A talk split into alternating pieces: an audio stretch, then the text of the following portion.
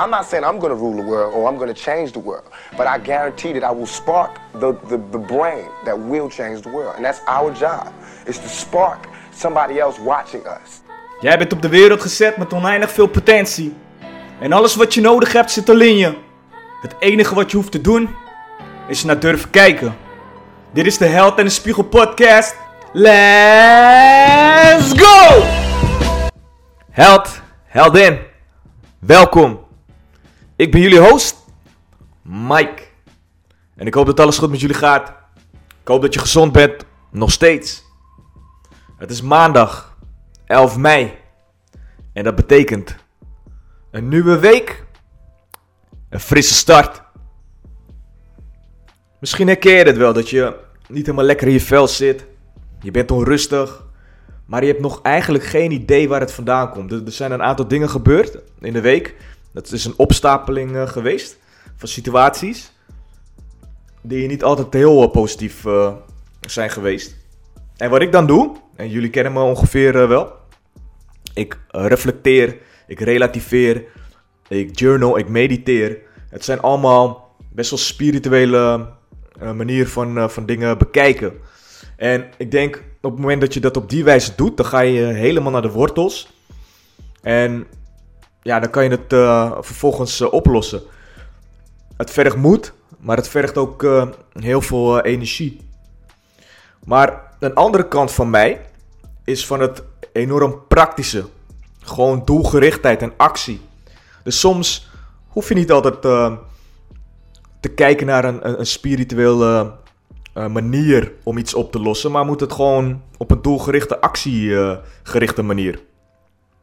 Wil nog niet zeggen dat dan het patroon wat je hebt gecreëerd, dat dat niet terugkomt als je er niet uh, met een bepaalde blik naar gaat, gaat kijken en gewoon uh, de diepte in, in gaat.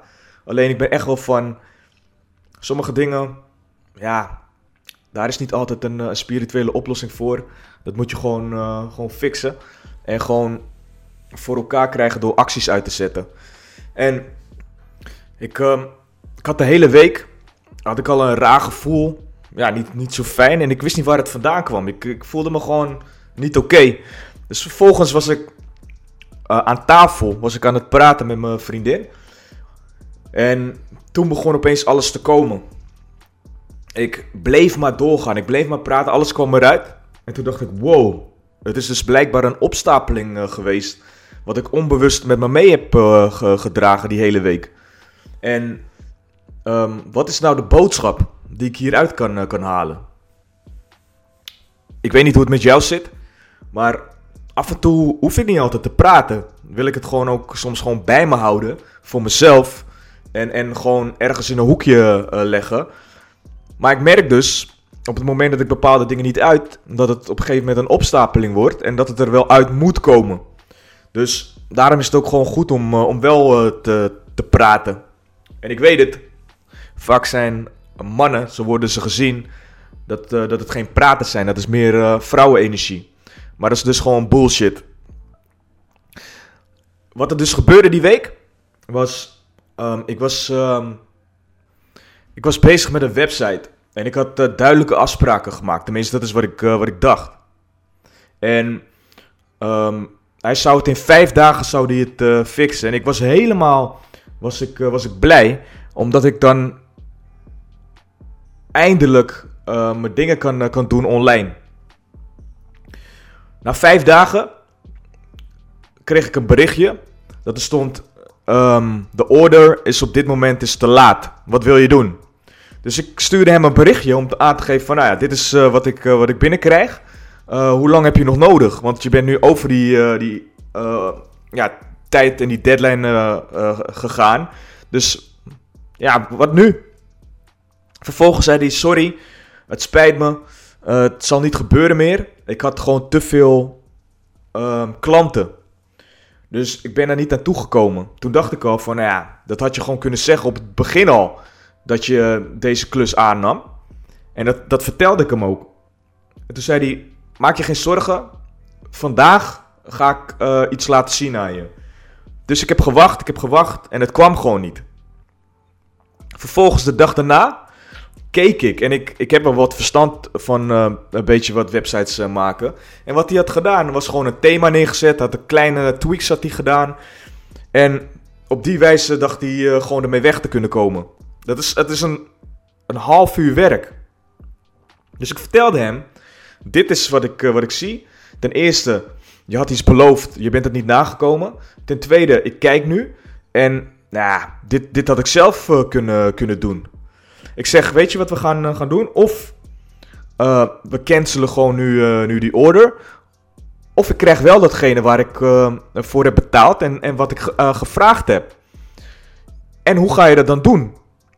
En toen koos hij ervoor om toch dat laatste te doen. Hij zei: ik, Wat wil je precies hebben? Ik ga dat maken. Nou, ik heb het helemaal uitgelegd. Ik heb het helemaal verteld. Toen zei hij: Is goed. Ik ga ermee aan de slag. En toen dacht ik al: Nee, ik moet het kappen. Ik, ik moet het gewoon. Ik had het al moeten annuleren, want dit, dit klopt niet. En het stomme was.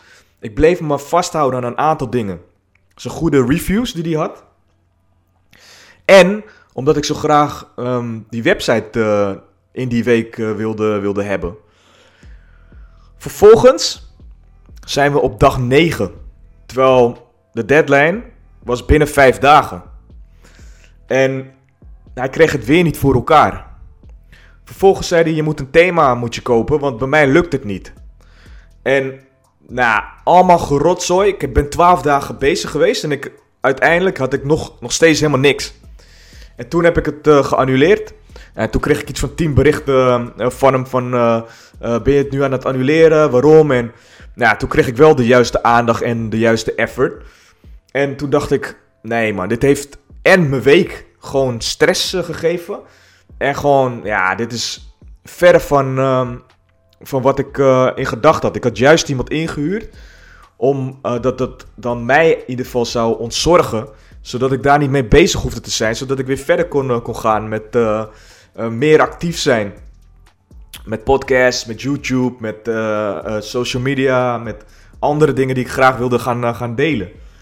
Maar het kostte me gewoon veel meer tijd, veel meer energie, maar ook gewoon stress. In diezelfde week dacht ik, ik begin wat dikker te worden. Ik wil weer uh, actief uh, zijn. Wat deed ik vroeger altijd, wat ik leuk vond? Wat hardlopen, ja, dat vind ik niet leuk. Ik uh, deed aan skaten. En er was maar één skateshop uh, was nog echt open die wat voorraad had. Ik ben er naartoe gegaan, het voelde niet fijn. Ik kwam in Amsterdam, ik dacht, nou, hier doen ze niet echt aan uh, coronamaatregelen, lijkt wel. En in die winkel ook niet. En dit was de eerste keer na anderhalve maand dat ik echt ergens naartoe was, uh, was gegaan. En vervolgens die verkoper, nou, die had het super druk. Goede babbel. Um, de skates waar ik voor, uh, voor kwam waren te klein. En vervolgens ging hij me duurdere aan, ja, aanreiken. En ik ging erin mee. En alles in mij zei van nee, moet je niet doen. Je bent hier gekomen voor iets anders en je wil een bepaald soort wil je checken, doe dat dan ook. Hij had geen aandacht voor ons. Hij liep continu weer weg. En dan kwam hij weer terug. Moest weer wachten. En ik maakte een bepaalde opmerking nog. En niks. Het voelde gewoon allemaal niet, uh, niet oké. En toch ging ik naar huis. Met duurdere skates. In diezelfde week waren er een aantal mensen die afspraken hadden verzet of hadden geannuleerd, continu. En dit was niet de eerste keer, dit was vaker gebeurd. En ja, alles was gewoon een druppel. Ik dacht echt van, ik ben onrustig, ik voel me niet fijn, wat gebeurt er met me? En toen ik het uitsprak, toen dacht ik, wow, dit is dus een opstapeling uh, geweest. Maar wat is dit eigenlijk? Hoe moet ik hier naar kijken? Wat is mijn leermoment? Wat, wat gebeurt er? En hoe kan ik uh, ervoor zorgen dat dit me nooit meer overkomt? En toen kwam ik er gewoon achter dat ik um, mensen over mijn grens liet lopen. En niet zo'n klein beetje ook. Waarbij ik aan de ene kant dacht van ja, ik confronteer. Maar aan de andere kant accepteer ik weer. En ik vul het voor mensen in. Dus in plaats dat ik vanuit mijn eigen kracht gewoon aangeef van dit is wat het met me doet. En dit is mijn grens. Ging ik relativeren, ging ik nadenken. Dacht ik van, oh, nou, het zit wel goed en oh, het komt wel goed. Geen lakse houding, maar meer dat ik dacht van, meer vertrouwen. En vervolgens, wanneer dan het al veel verder is over, over mijn grens, toen pas, ja, nam ik, eh, nam ik de confrontatie, eh, zeg maar. En dan ben ik ook niet altijd een, een heel fijn eh, persoon, want dan ja, kan ik best wel fel kan ik, kan ik daarop reageren. Dus mijn leermoment was gewoon duidelijke verwachtingen scheppen, grenzen stellen. En ik dacht dat ik het deed, maar blijkbaar niet voldoende. En wat ik ook um, ik vond het sowieso mooi dat ik die drie situaties, dat ik die tot één kon brengen en daar een leermoment uit uh, kon, uh, kon halen. En dat ik erachter gewoon kwam dat het allemaal met hetzelfde te maken had. Dus het ging niet om dat die website nog niet af was of dat ik uh, bepaalde skates mee naar huis had genomen. Waar het om ging, is dat ik me niet in mijn kracht voelde staan. Dat ik over me heen liet, liet lopen op een bepaalde manier. Dat ik mijn grenzen niet volledig beschermde. En ik ben opgevoed heel sociaal, warm. Dat ik uh, geen gevechten moest uh, beginnen en ehm, niemand moest, moest slaan. Ik mocht geen Street Fighter spelen. Dat, dat kan ik me nog goed herinneren. Absoluut niet in huis. Geen vechtspellen, want dat, dat kan tot uitlokking komen. Dat, dat je agressief wordt. En ik mocht geen pistooltjes of geweertjes waarbij ik legertje ging, ging spelen. Dat mocht allemaal niet bij mij thuis. Want nee man, dat, uh, dat kon geweld kon dat veroorzaken. Waardoor ik op een gegeven moment best wel ja, gedimd was. Ik was een braaf jongetje. Een hele brave Mikey Mike was ik. En vervolgens ben ik er op een harde manier achter gekomen. Doordat ik op de middelbare school inderdaad meerdere keren was in elkaar geslagen, buiten werd uh, gesloten. En dat ik dacht van hé, hey, de wereld is helemaal niet zo uh, vol met vlinders en lichtheid. En toen ik mijn eerste baan had als leidinggevende, dacht ik van ja, ik wil niet weer in elkaar geslagen worden. Dus ik uh, ben gewoon heel lief voor een ieder. Ik ben continu dienend voor, uh, voor een ieder, zodat ze me in ieder geval aardig vinden. Totdat ik daar ook achter kwam van hé, hey, alleen maar aardig gevonden worden, gaan mensen volledig over je grenzen. En des te meer promotie ik maakte, des te meer ik um, in een andere omgeving kwam van leidinggevenden, des te meer ik erachter kwam van hé, hey, dit zijn gewoon haaien. En ik dacht juist dat de leidinggevenden heel anders waren, maar dit is gewoon een, een het zijn haantjes en het zijn haaien. Ze vreten je op op het moment dat jij uh, zwakte vertoont. En toen ben ik erachter gekomen van, ah, oké, nu moet ik iets anders gaan ontwikkelen bij mezelf. Niet meer die nice guy. Want ook daar snapte ik nooit wat van. Ik was altijd aardig, ik was altijd lief, ik liet altijd mijn goede kant zien. En sommige gasten die hadden grote bek, die, die behandelden uh, een meisje totaal niet met respect, maar ze kregen ze wel. En ik snapte daar geen reet van, ik kreeg helemaal niemand.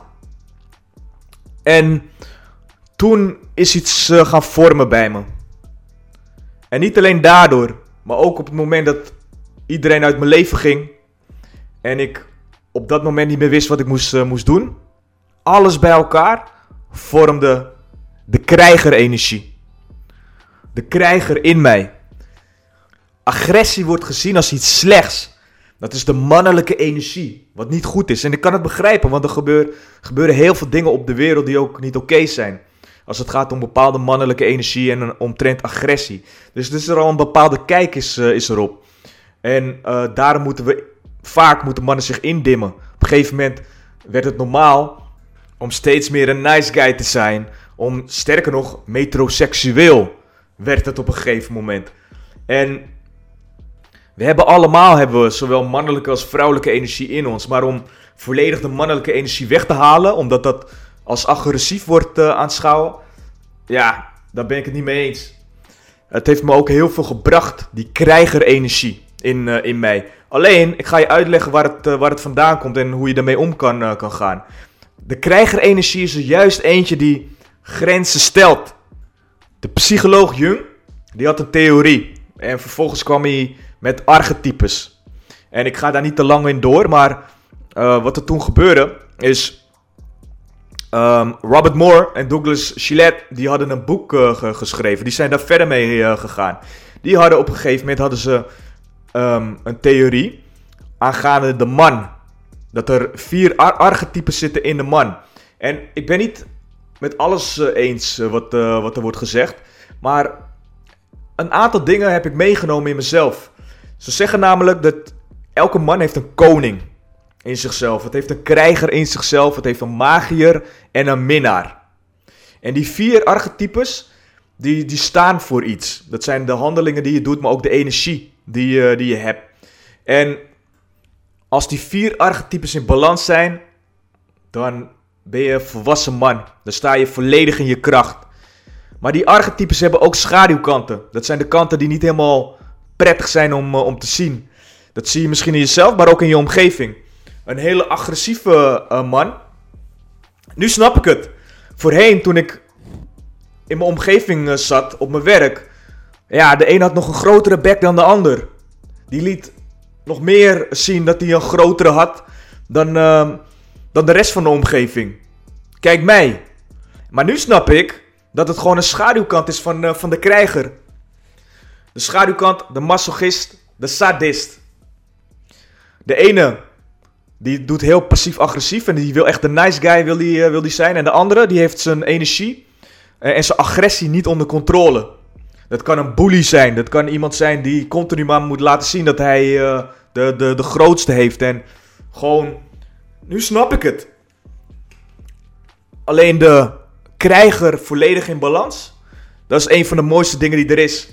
Dat is namelijk iemand die zijn agressie namelijk omarmt. En we zien agressie als iets slechts. Maar als je gaat kijken naar de betekenis, dan is het ook inspanning. Het is energie. Het is initiatief. Het is in het Engels is het force. Dat hele woord al, force. Dat, ja, ik vind dat super mooi, uh, mooi woord. Alleen, agressie zelf is neutraal.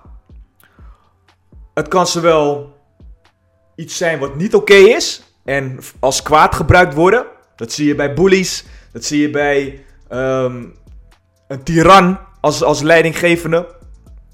Maar het kan ook ingezet worden uh, in iets uh, goeds het behalen van je, van je doelen. Um, of iets anders waar je voor, voor strijdt. Een man die zijn agressie helemaal niet gebruikt.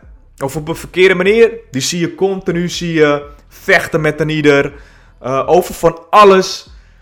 Die zijn relaties mislukken. Heeft niet altijd de respect die hij toont.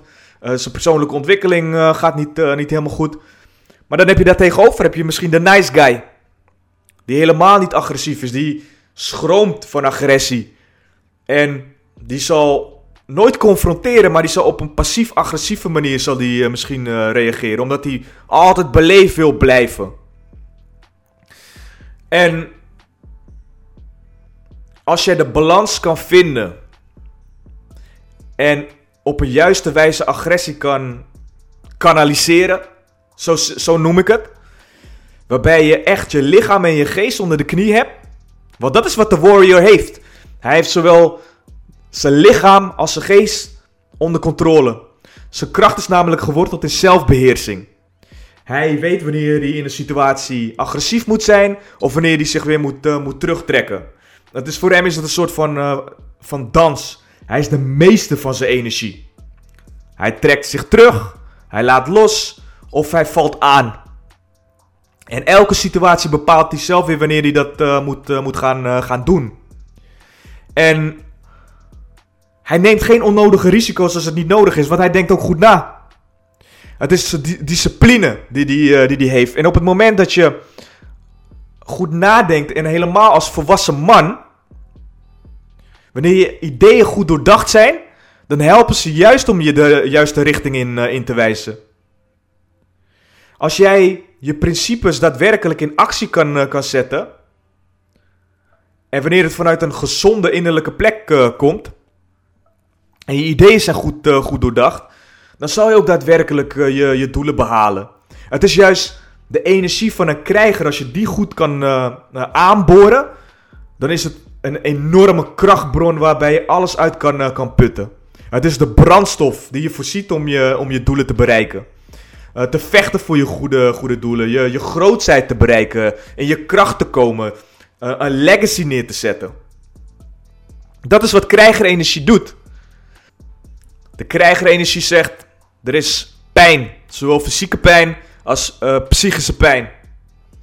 En die moet je weerstaan om je doelen te bereiken. Pijn is gewoon zwakte die het lichaam verlaat. Dat is zijn filosofie. Hij geniet van de moeilijkheden in het leven. Omdat hij weet, dat gaat me sterker maken. Hij vernietigt alles. En daar bedoel ik mee um, om plaats te maken voor iets nieuws. Voor iets fris. Voor iets wat meer leeft. En daar bedoel ik echt creatieve vernietiging uh, mee. Niet dingen neerhalen omdat het een plezier geeft.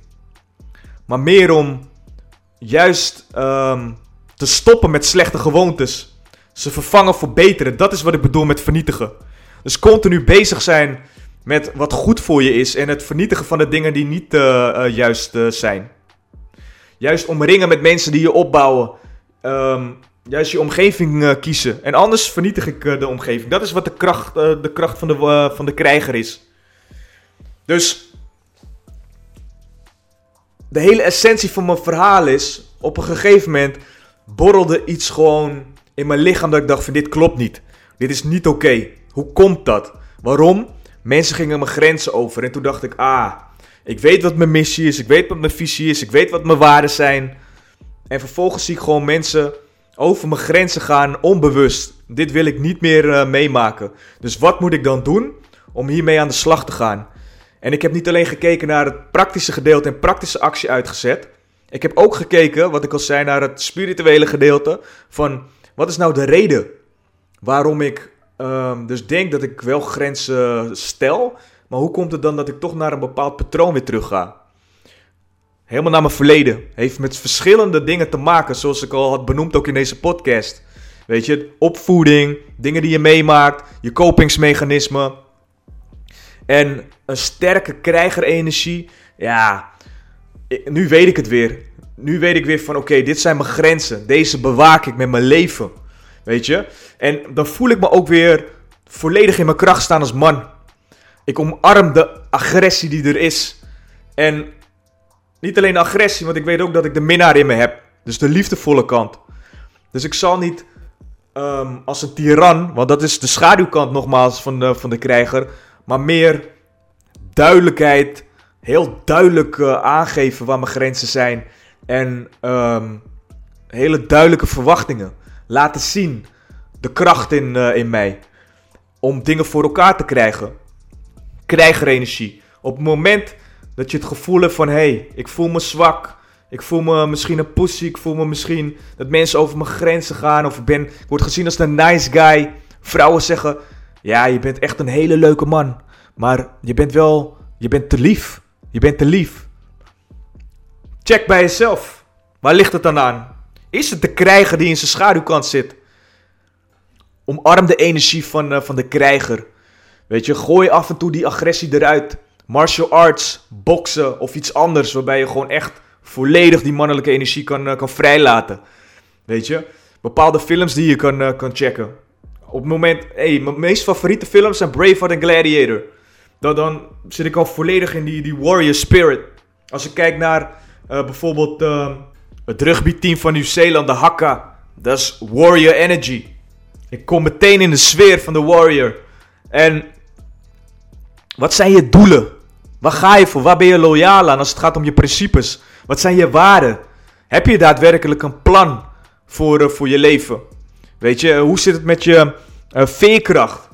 En laat af en toe, nou niet af en toe, maar laat gewoon ook gewoon je tanden zien. Wanneer je denkt, dit is nodig.